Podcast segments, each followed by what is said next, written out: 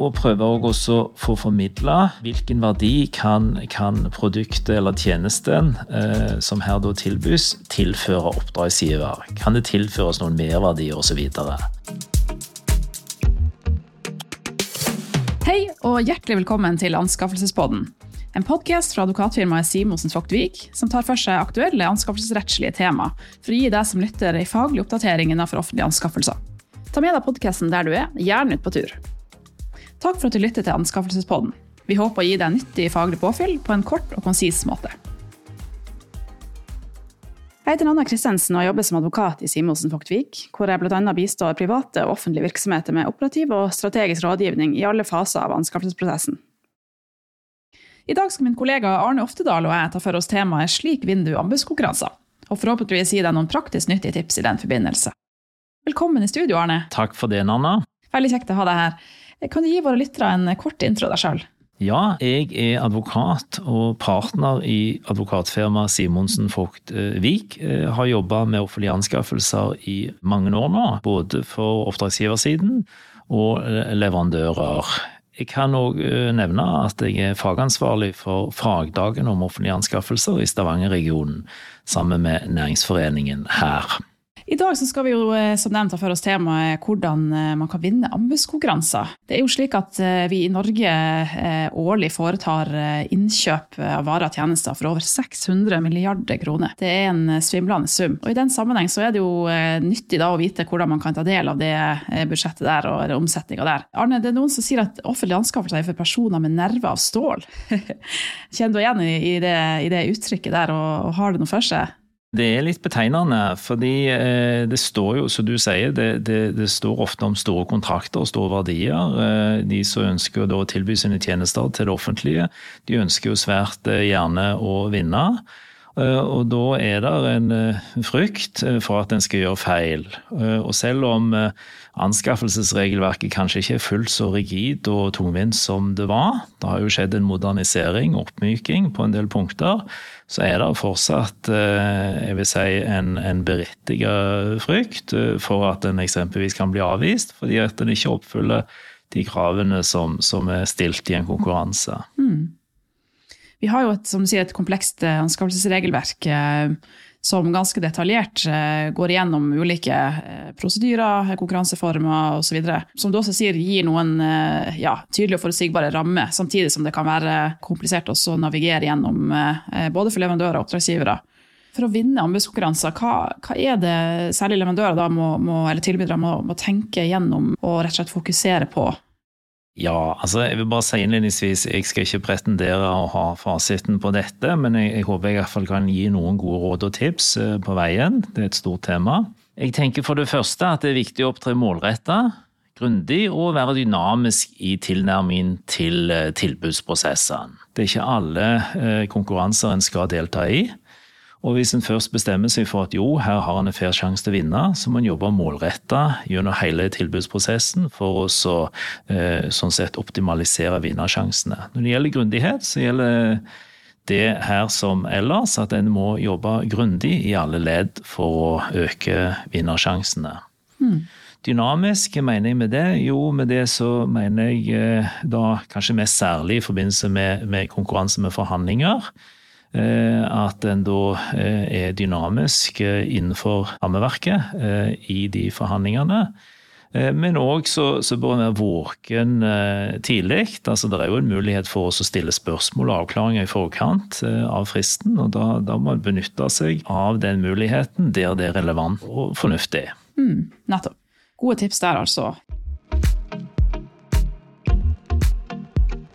Så er det jo også slik at eh, som vi har nevnt innledningsvis, at det er eh, et ganske detaljert anskaffelsesregelverk. Og her vil jeg tro det, det er en stor fordel eh, med, rett og slett med god kompetanse og kunnskap om, om, regelverket. Har du noen gode tips der? Ja, jeg mener det er viktig å ha god kunnskap om anskaffelsesregelverket. Og at det å ha kunnskap om anskaffelsesregelverket, det, det vil øke vinnersjansene Jeg eh, tenker ikke at eh, en skal ha, være spesialist i offentlig anskaffelsesrett eh, for å kunne gi inn et tilbud til det offentlige. Men jeg vil vel si det at hvis en ikke har noe som helst kjennskap til regelverket, så stiller en litt lenger bak enn hvis en har det. Så det sier seg kanskje litt sjøl, men det å ha god forståelse om rammeverket, det vil nok òg gjøre det enklere å treffe planken. Ellers tenker jeg det er viktig å ha relativt god kjennskap til de standardavtalene som gjelder og som benyttes eh, i den enkelte eh, konkurranse, sånn at en forstår sånn sett eh, hvordan risikotagningen er, og det å kjenne til selve anskaffelsesprosessen. Det tror jeg er viktig. I tillegg så kan det jo være greit å kjapt minne om at vi har en god nettavis som heter Anbud 365. Der er det mange gode tips og råd også å få. Så har vi lovkommentarer både til anskaffelsesloven og anskaffelsesforskriften som advokater i Simonsen Vogt Wiig har utarbeida. I tillegg så har Simas Vogt Vig utvikla en betalingsvillighetsapp som gir oppdragsgivere og leverandører mulighet til å vurdere utslag av evalueringsmetoder i anskaffelseskonkurranser.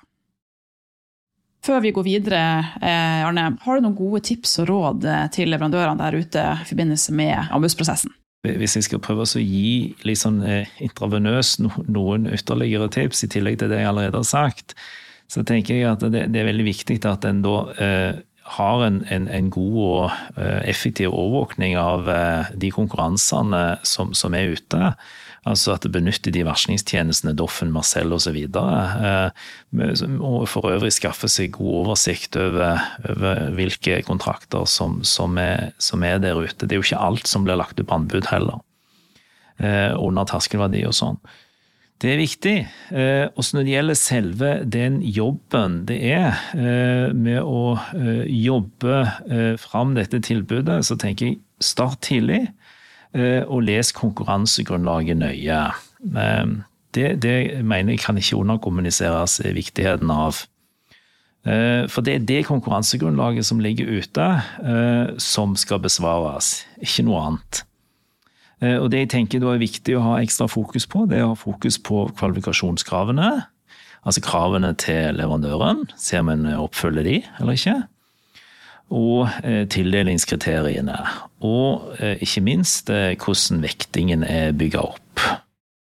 Ellers så tenker jeg at når en da skal utforme tilbudet, så må en utforme tilbudet i henhold til det som er etterspurt. En må presentere det som en formidler på en ryddig og forståelig måte.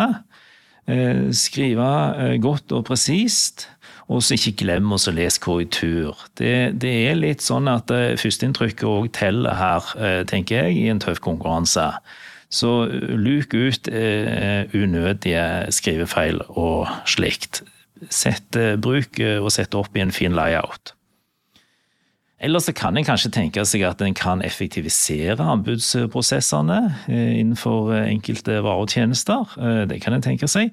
Men en må lage maler osv. Men en må alltid huske på at dette konkrete tilbudet skal tilpasses den konkrete anskaffelsen. Hvis ikke så kan en lett feile.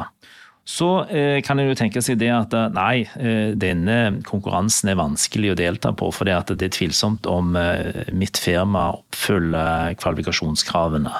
Eh, men det er en eh, god mulighet for å benytte underleverandører. Eh, og det kan jo da gjøre at en for det første blir kvalifisert.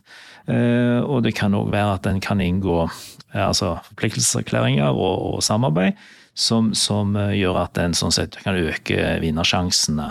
Men jeg vil jo ikke råde leverandørene til å hente inn jeg si, andre fra gaten. En bør jo helst kjenne godt til de som en samarbeider med, mitt råd iallfall. Og så generelt, til slutt, eh, under dette punktet, så tenker jeg det kan være greit å bare minne om at det som er viktig, eh, er at en prøver å sette seg inn i og forstå hva som er oppdragsgivers faktiske behov. Det er det som en skal besvare. Da kan vi se litt eh, nærmere på hvilke faktorer som, som kan påvirke oppdragsgivers beslutning, etter vi nå har hørt gode råd og tips for hva leverandørene kan gjøre i forbindelse med anbudsprosessen. Her skal vi snakke kort om leverandørers risikokartlegging.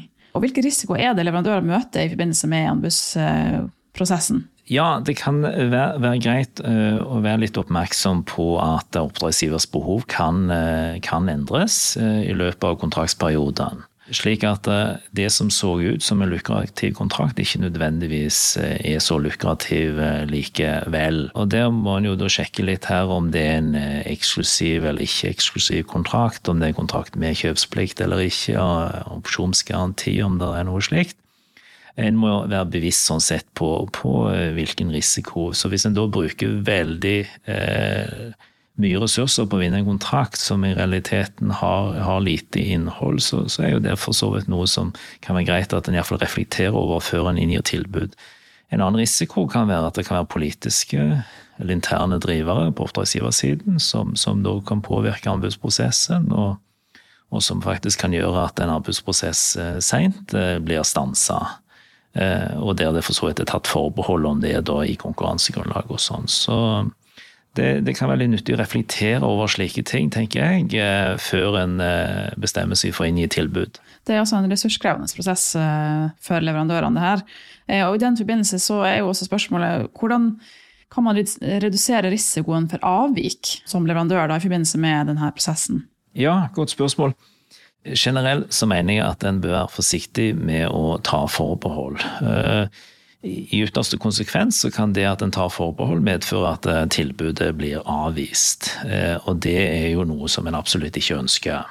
Noen ganger så kan det være berettiget å ta et forbehold. Da kan det faktisk være fornuftig å, å legge ved en, en, begrunnelse, kanskje inntil med en juridisk betenkning eller notat, som forklarer hvorfor en mener at her er det mulighet for å ta forbehold. og og eventuelt òg eh, eh, hvilken prismessig konsekvens eh, det forbeholdet har. Ellers, bare pass på at alle absolutte krav er besvart, tenker jeg er viktig. Pass på at de kravene som gjelder for leverandøren og for ytelsen, er ivaretatt. Det er viktig, å ikke forsøke å lure inn noen egne leveringsvilkår eh, som, som, på en måte da avviker fra det som, som er lagt opp til i konkurransen. Det er ikke lurt. Så, så er det òg alltid viktig selvfølgelig, å påse at tildelingskriteriene er besvart. Og de må jo òg besvares så optimalt som mulig for å greie å vinne. Mm. Så er det jo også eh, slik at man eh, etter det relativt nye regelverket som trådte i kraft i 2017, da, eh, er en, blitt en, en, si, en mer utvida adgang til, til, å ha en produktiv dialog med oppdragsgiver, som, som da også kan være med å øke vinnersjansene. Før kunngjøring av konkurranse så er det jo slik at all kommunikasjon med oppdragsgiver er tillatt, så lenge den ikke gir en vesentlig konkurransefordel og da ivaretar de grunnleggende prinsippene i anskaffelsesloven, bl.a. kravet til likebehandling. Eh, så etter kunngjøring, men før tilbudsfrist, så, eh, så, vil jo da eh, adgangen til dialog være såpass vid her også at alle tilbydere kan ha en ganske åpen dialog med oppdragsgiver, stille spørsmål. Så lenge også da likebehandlingsprinsippet ivaretas, og så lenge det ikke gjøres noen vesentlige endringer i anskaffelsesdokumentene. Etter tilbudsfrist der lukkes adgangen ganske betydelig. Der kan man kun ha eh, dialog rundt eh, avklaring av innholdet i tilbudene, og eventuelle forhandlinger hvis det er en konkurranseform som tillater det. Etter kontraktsinngåelsen så er jo selvfølgelig all kommunikasjon tillatt, så fram til da ikke fører med seg noen vesentlige endringer i kontrakten. Det som jeg tenker litt på, på der i den forbindelsen, Anna, er at kanskje oppdragsgivere generelt eh, har vært litt forsiktige, eller meget forsiktige, med å ha dialog med markedet. Og jeg tenker det er fornuftig å sånn sett kunne bruke de tross alt mulighetene som ligger i, i regelverket til å ha dialog med markedet og leverandørene, og at det vil ha positive effekter begge veier. Så mitt tips eh, på det punktet er at en ikke bør være for tilbakeholden fra noen av partene sin side, men selvfølgelig eh, være, være taktfull og, og, og ikke ikke utidig pågående, og selvsagt da, som, som du har vært inne på, innenfor de rammene som gjelder. Når man da har eh, signert kontrakt med oppdragsgiver, man har vunnet kontrakten, hvordan er det da det fungerer etterpå? Eh, fordi man skal jo klare å leve med det her resultatet etter kontraktsignering også, og det er da egentlig jobben starter. Hvilke muligheter har eh, leverandørene til å gjøre eventuelle endringer etter kontraktsignering? Ja, altså det, det er slik at etter kontrakten er signert, så er det eh, svært eh, begrensa muligheter til å endre eh, innholdet i kontrakten og den økonomiske balansen i kontrakten. Selv om det kan være gode kommersielle grunner for det. Så, så da, da da er en støkk hvis en som leverandør har gitt et altfor godt tilbud, et tilbud som, som til og med kan føre til tap.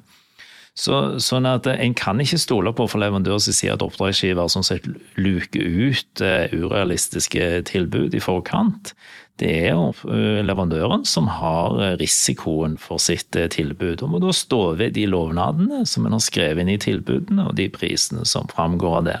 Så er det noen muligheter til å gjøre endringer i henhold til den såkalte vesenhetslæren i forskriftens kapittel 28 men endringsavgangen er relativt snever eh, og forutsetter at flere ufravikelige vilkår er oppfylt. Eh, ellers så, så, tenker jeg at det er viktig når en da er over i kontraktsfasen, eh, å etablere gode samarbeidsrutiner med, med oppdragsgiver fra dag én.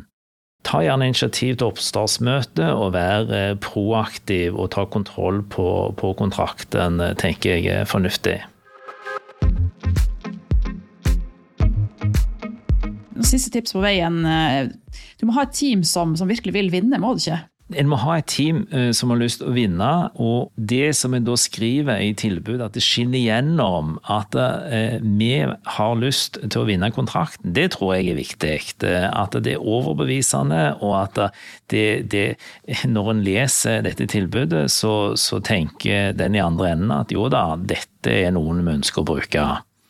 Så det tenker jeg er sentralt. Hvis jeg skal trekke fram noe annet, så, så tenker jeg at det er viktig å eh, ja, eh, skille seg litt ut. Altså få fram hva som skiller dette produktet fra de øvrige leverandørene. I den grad det er mulig, så, så tenker jeg det er viktig. Og prøve også å få formidla hvilken verdi kan, kan produktet eller tjenesten eh, som her da tilbys, tilføre oppdragsgiver. Kan det tilføres noen merverdier osv.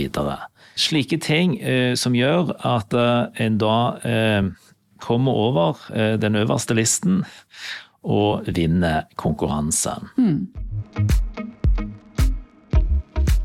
Som du nevnte helt innledningsvis, så handler det her om å, rett og slett å, klare å dekke oppdragsgivers eh, beskrevne behov i konkurransegrunnlaget, som da er viktig å lese grundig og nøye. Og i tillegg eh, til det eh, stille spørsmål underveis for å avklare eventuelle spørsmål i den forbindelse med oppdragsgiver. Rett og slett viktig å, å ha et produkt som, som, som, tilfredsstiller de behov og de konkurransereglene som, som er satt.